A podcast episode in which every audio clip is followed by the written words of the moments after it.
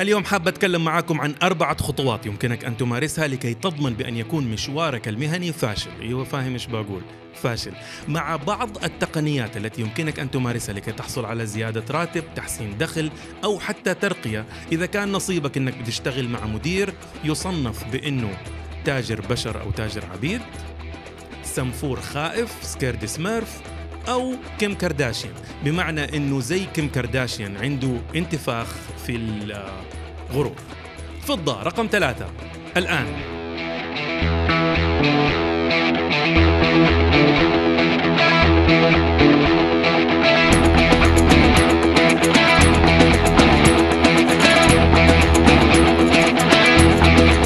السلام عليكم. معاكم ياسر بكر وحالي هو أحسن مما أستحق. سبحان الله. دائما وأتمنى أن حالكم هو أفضل بكثير حتى مما تتمنون. أهلا وسهلا بكم في فضة سواء كنتم تستمعون أو تشاهدون من أحسن بلدان الدنيا، المملكة العربية السعودية حفظها الله لنا وسخرنا دوما لخدمتها، أو إذا كنتم تشاهدون أو تستمعون من أي بلد من بلدان هذا العالم الجميل أهلا وسهلا بالجميع. شكرا جزيلا لتفاعلكم للمرة الثانية وأتمنى أن يستمر ذلك. أتمنى أنكم دائما تزوروا فضة لتجدوا الجديد.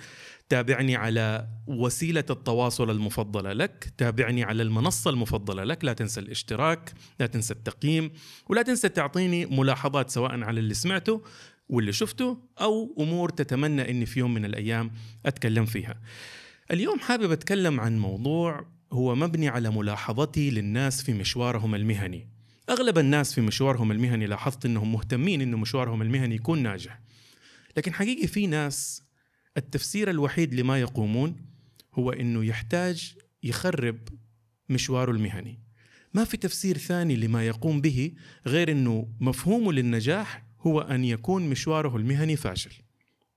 لذا عشان ما ينظلموا قررت اليوم إني أشارك معكم أربعة أمور تستطيع أن تفعلها لكي تضمن بأن يكون مشوارك المهني فاشل. طبعا إذا أنت تبغى مشوارك المهني يكون ناجح كل اللي تسويه إنك أعكس كل شيء قاعد بقوله، ولا تخافوا ما حأعطيكم أشياء تقليدية زي الكسل والإهمال والأخلاقيات السيئة، جايب لكم حاجات شوية أكثر كده غرابة يمكن تكون مختلفة.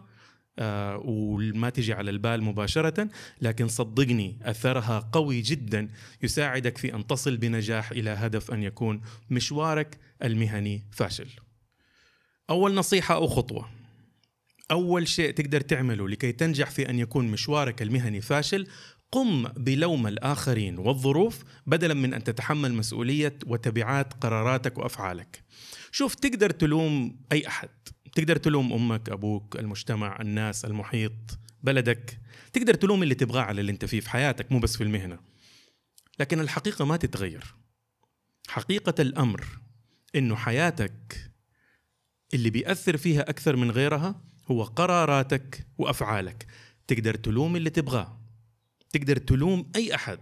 لكن هذا لا يغير حقيقة بأن حياتك ما يؤثر فيها أكثر من غيرها وما يحدد مسيرها أكثر من أي شيء آخر هو قراراتك وأفعالك.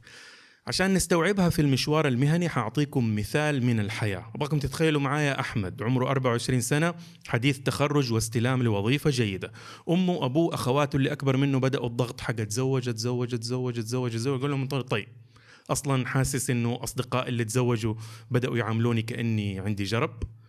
خطيباتهم صاروا ما يبغوهم يمشوا مع عزاب زيي آه، حياة الأعزب فيها صعوبة. فقال لي أمه وأخواته شوفوا إيش موجود. الأم والأخوات لما يخطبوا تحتاج تنتبه من حاجتين. الأولى إنهم يمكن ما يعرفوك كويس. أسرنا ليست آه، أسر متواصلة ومتلاصقة. ويعرفوا بعض زي زمان. فيمكن بيخطبوا لأحمد يعرفوه عمره 12 سنة إنما اليوم أنت شخص مختلف تماما. ثاني شيء ممكن يقعوا فيه الأمهات والأخوات عند الخطوبة إنهم ممكن يدخل في قرارهم مين هم يستلطفوا. من هي السيدة التي يريد أن يروها كل جمعة في اللقاء العائلي؟ بدلا بالضرورة من مين هي أكثر واحدة تمشي مع أحمد. أحمد في الخطوبة ما جاله إحساس المغص ده حق المسلسلات الكورية. قال لهم ما أدري هذا حب فين الحب؟ قالوا له يجي يجي بعدين بعدين. أول أربع سنين من زواجي من فلانة كنت حقتلها الآن ما صرت أتخيل حياتي بدونها. طيب. كمل عقد عليها تزوج. برضه قال لهم ما في حق كوري ما في قالوا له أوه يجي بعدين يجي بعدين بعد عشر سنين وصل. مرت السنة الأولى. حملت خلفت ثم تطلقوا. وصار أحمد عمره 26 مطلق وأب لطفل ما له أي علاقة فيه. طبعا نفسيته جدا استاءت صار في العيلة تعرفوا اللي يعيش في ملحق وأهله وأخوانه يقولوا لا ترى ترى يعصب لا تفتح موضوع الزواج. أحمد للأسف صار من هذا النوع من الناس. وإذا تحسب أحمد بيعاني تخيل طليقته اللي أخذها عمرها 18 صار عمرها 20 الآن. تكرهه. لو انكسر ضفرها تقول الله ياخذك يا أحمد. لو مغني نزل أغنية وحشة تقول كله بسببك كان يا أحمد. فوما حتفوق من الأزمة دي لما يكون عمرها 30 ولك أن تتخيل كيف ستربي ابنك وهي تحس نحوك هذا الإحساس. أحمد وصل لين عمره 30 كل سنة تمر بيحس إنه الزواج أصبح أصعب. موضوع الزواج ما ينفتح في البيت أمه تقول له ما تبغانا نخطب لك؟ يقول لها آه تبي تخطبي لي تاني؟ تقول له لا إذا ما تبغى ما نبغى تقول له خلاص. ويفضل الموضوع البيت كله متنشن على هذا الموضوع. أحمد يقدر يلوم أمه أبوه. أخواته حماته بنتها أبوها خطيبات أصدقائه السخفاء اللي خلوه أزواجهم يقطعوها معاه. يقدر يلوم هذول كلهم. يقدر يروح يستأجر قاعة ويعمل تيد توك مدعم ببرزنتيشن يقول فيه أمي السبب أختي السبب ويحط صورهم. هذا لن يغير الحقيقة من أنه اللي أحمد فيه هو المسؤول عنه. قراراته وافعاله مسؤولة عن اللي هو فيه أكثر من أي شيء تاني أحمد كان يقدر يقول هو عمره 24 سنة ما أبغى أتزوج تقول لي بر وامي الحياة اللي عيشتها هي في جحيم في آخر خمس سنين على درجة العقوق اللي فيها ما يقارن بإنك تقول لها معلش يا أمي نأخر الموضوع وهي شوية تزعل وبعدين تنسى. كان ممكن لما يخطبوا لك البنت وما جاك إحساس المغص حق المسلسلات الكورية اللي تحسب انه يجي تقول لسه ما هي دي ما أبغاها. كان ممكن بعد أول كم شهر تنهي هذا الزواج. كان ممكن بشكل مسؤول تؤخر موضوع الخلفة. كان ممكن بعد الطلاق تحاول إنك تحفر الأرض علشان يكون لك نصيب من تربية ابنك. كان ممكن تقول لعائلتك يا جماعة واحد صفر. لا نتأثر يلا نحاول نتزوج مرة تانية. في 3.5 بليون امرأة في العالم. خلينا نشوف مين منهم أقدر أتزوج غير هذه اللي ربنا ما كتب لي معها نصيب. كان يقدر أحمد يعمل هذا كله. لكنه قرر أنه يعيش حياته يلوم الظروف والناس على اللي هو فيه. مثال قاسي شوية صح؟ بس خدوا على عالم الوظيفة. أبغاك تتخيل معايا أحمد تاني. أحمد هذه المرة برضو عمره 24 قرر ياخذ الوظيفة الأعلى راتبا. في قطاع ما هو مثير. الشركة ما هي مثيرة. الوظيفة في إدارة ما هي مثيرة. إدارة مشتريات في شركة لسه تتعامل مع المشتريات بتفكير قديم. حق جيب فواتير روح اشتروا ورق طابعة. الإدارة فيها ثلاثة. أبو سارة أبو محمد وأبو جنى. أبو سارة على وش تقاعد أبو محمد نسخة مصغرة منه أخذ مكانه وأبو جنى أقدم منك بسنتين ما يفرق عنك كثير. ست سنوات قضاها أحمد الثاني هذا في هذه الإدارة. الخبرة الوحيدة اللي شكلها هي في أفضل إفطار شعبيات في البلد. إذا تبغى توزن الشاهي مع الحليب والسكر مجنون في هذا الموضوع. لو يدوا عليه ماسترز يقدر يجيبه. لما صار عمره 30 أحمد يبغى يشوف قيمته في سوق العمل لقى أنه ما يجيب ولا 3 ريال. خبراته كلها ديناصورية. أصبح ديناصور وهو لسه ما بدأ مشواره. يقدر أحمد يلوم أبو سارة وأبو جنى وأبو محمد. يقدر يلوم مدير الموارد البشرية ويقول له أنت كيف تسيب هذه الإدارة تعثو في الأرض فسادا بهذا الشكل؟ يقدر يلوم مدير الشركة ويقول له أخذتني وردة عمري 24 سبتني ديناصور ما حد يبغاه عمره 30 يقدر يلوم وزير العمل وزير الصناعة وزير التجارة لكن هذا ما راح يغير الحقيقة من إنه اللي أحمد فيه هو نتيجة أفعاله وقراراته. حتى لو واحد الآن كان داخل في علاقة زواج أو لو أنت كنت داخلة في علاقة خطبة وما بتجيك أحاسيس المغص حقت الأفلام الكورية والمسلسلات وقررتي إنك تفسخي هذه العلاقة ما ينفع تعملي تيك توك في يوم من الأيام وتحطي صورتي وتقولي أنا انحرمت من فتى أحلامي لأنه ياسر قال إذا ما جاك إحساس لا تتزوجي. تقدري تحطي صورتي أرسل لك هي high resolution لكن هذا ما حيغير الحقيقة. إنه اللي أنت فيه واللي أنت فيه هو نتيجة قراراتك وأفعالك. أنت اللي قررت تسمع كلامي كنت تقدري ما تسمعي.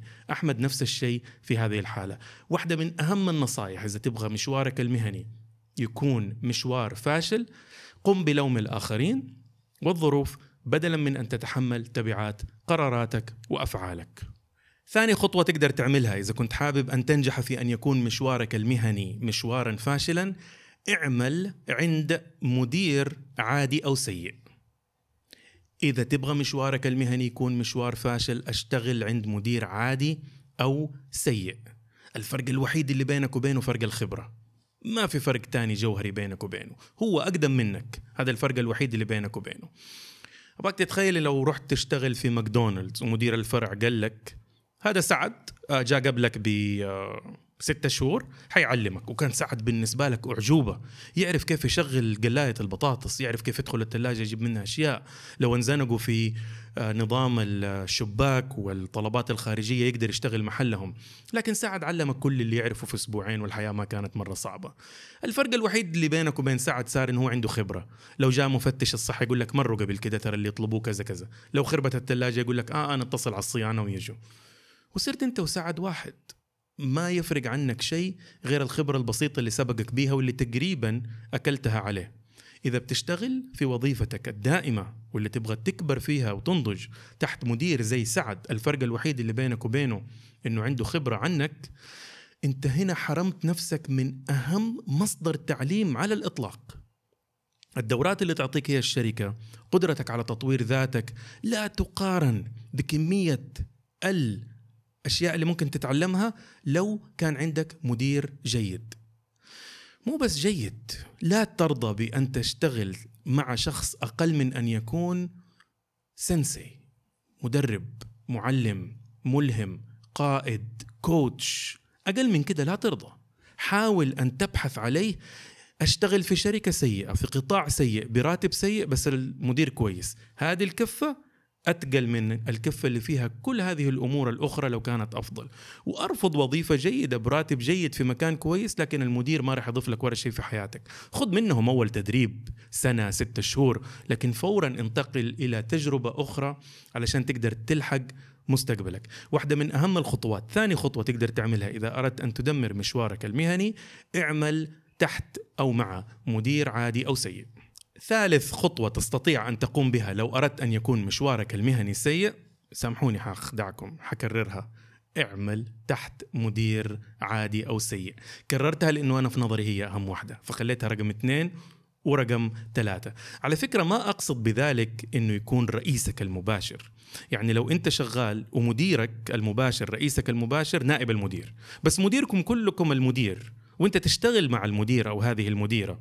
إذا في النهاية هذا الشخص الجيد بتحتك فيه على الأقل 30% من الوقت يكفي. أما إذا كان هذا المدير أنت ما تشتغل معاه ابدا بتقابله في الأسياب عند الأسانسير أو في الاجتماع الأسبوعي هذه ما أقدر أحسبها إنه عندك مدير ملهم. أنت حياتك مرتبطة بهذا التحفة أو هذه السيده اللي ما في أي شيء إضافي تقدر تعطيك هو. هي تحتاج وهو يحتاج أكثر مما إنه آه، ياخذ منك. فحقيقي هذه الجزئية جدا مهمة. إنك إذا كنت تبغى مشوارك يكون ناجح إنك تنتبه منها. رابع نصيحة أو خطوة يمكنك أن تقوم بها إذا أردت أن تنجح في أن يكون مشوارك المهني مشوارا فاشلا. اجعل موضوع زيادات الراتب والترقيات موضوع حساس أو غير مهم. تبغى مشوارك المهني يكون ضعيف فاشل مليان مشاكل خلي موضوع زيادات الراتب تحسين الدخل والترقيات موضوع حساس.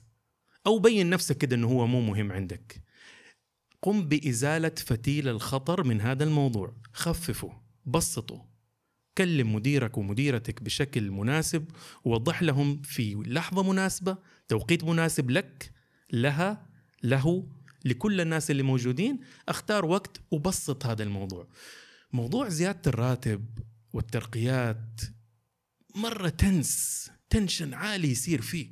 لما تفتحه مرة في السنة كأنه من سيربح المليون. توف توف. أبغى زيادة راتب. توف توف. ليش؟ تبى تمشي ولا إيه؟ ليش؟ ما له لازمة. هذا موضوع بسيط جدا.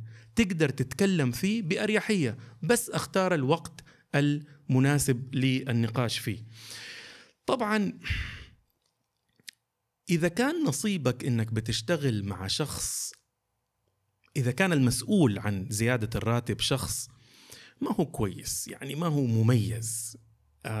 هنا يبغى لها لفة. في احتمال إنك تشتغل مع أو تشتغلي مع ثلاثة أنواع من المدراء. النوع الأول أسميه تاجر بشر أو تاجر عبيد يا لطيف. النوع الثاني سنفور مرعوب scaredy smurf. النوع الثالث كيم كارداشيان. ممكن تشتغل مع واحد من هدول الثلاثة. هنا كل واحد فيهم يبغى له سياسة. أبغى أنبه من أنه هذه السياسات مؤقتة. إذا نصيبك كان أنك بتشتغل مع واحد زي هدول الأشخاص هذا حل مؤقت. لكن لازم تلاقي لك سيناريو أفضل. هذا اليوم نصيبك إنهم حطوا هذا المدير أمامك اللي هو سنفور خايف ولا تاجر بشر ولا كيم كارداشيان في طرق للتعامل معاهم مختلفة. إذا كان نصيبك أنه مديرك تاجر بشر أو تاجر عبيد بمعنى آخر أنه هو بالنسبة له حياتك ما هي مهمة. أنت رقم. يعني مسألة أنه أنت تحتاج زيادة راتب عشان تتزوج ولا تسدد ديونك ولا غيره هو هذا كله ما عنده أي علاقة فيه. هو بالنسبة له الموضوع جدا بسيط. أنا حدفع لك أقل مبلغ ممكن أقدر أدفعه. ولو لقيت أحد يعمل نفس اللي أنت بتعمله يعمل نفس اللي أنت بتعمله بسعر أقل لن أتردد في أني آجي بيه طالما هذا ما يخالف القوانين. هذا إلى حد ما. اللي ما يقدر يكون قائد للموظفين اللي هو مستأمن عليهم أقدر أسميه شوية كأنه بيتاجر بالبشر ولا بيتاجر بالعبيد. ليه مفتاح؟ ليه مفتاح تقدر تشتغل معه؟ وهو أنه هو تاجر فبالتالي لازم تعمل معاه ديل. أصحك تروح بدراما إنه إذا أنت ما تبغى ترفع راتبي يعني أنت ما تقدرني. إيش؟ ليش يا مسلسل خليجي؟ إيش دخل قيمتك كإنسان ربنا خلى الملائكة تسجد له؟ وبين إنه لو ما جاتك زيادة راتب يعني نحن ما بنحترمك. ما في داعي لهذه الدراما ابدا. مع المدير التاجر تحتاج إنك تقول له يا ابن الناس ولا يا بنت الناس أنا راح أعطيك واحد اثنين ثلاثة. ممكن في المقابل تديني أربعة وخمسة وتتفاوضوا. تضيف انت شيء هو يشيل شيء. لما توصلوا الديل متفق عليها. وقتها سلموا واحد اثنين ثلاثة وإن شاء الله راح يوفي بوعده أو وعدها وإنهم يعطوك أربعة وخمسة.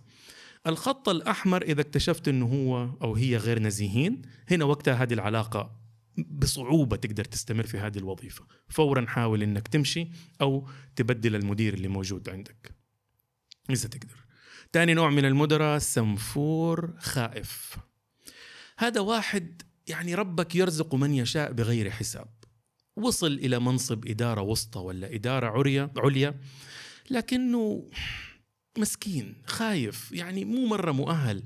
غالبا يكون من جيلي. واحدة من مشاكل أبناء جيلي عندنا المنصب هدف وليس وسيلة. فلما نوصل للهدف نحبه مرة لما نوصل للمنصب واو هذا مرة شيء مهم. وما نبغى حد يهددنا. فأحيانا إذا مديرك أو مديرتك سنفور خايف لما نسمعك تقول أبغى زيادة راتب يسمع أنا أبغى أسوي مشكلة في الشركة. أنا أبغى لخبطك أنا عندي طموح يمكن آخذ منصبك. صدقني بعضهم لهذه الدرجة بساط. كيف تتعامل مع سنفور خائف سكيرد سميرف. بسط الحياة. أنا بس أبغى زيادة راتب علشان أكل بس. 8000 ما تكفي خليها 8 ونص. الله يخليك. أبغى أتزوج. شوف هذه خطيبتي. هذا حسابها في إنستغرام. أبوها يبغى فلوس. إديني فلوس. أنا في إدي بابا حقها فلوس. بسط له الحياة.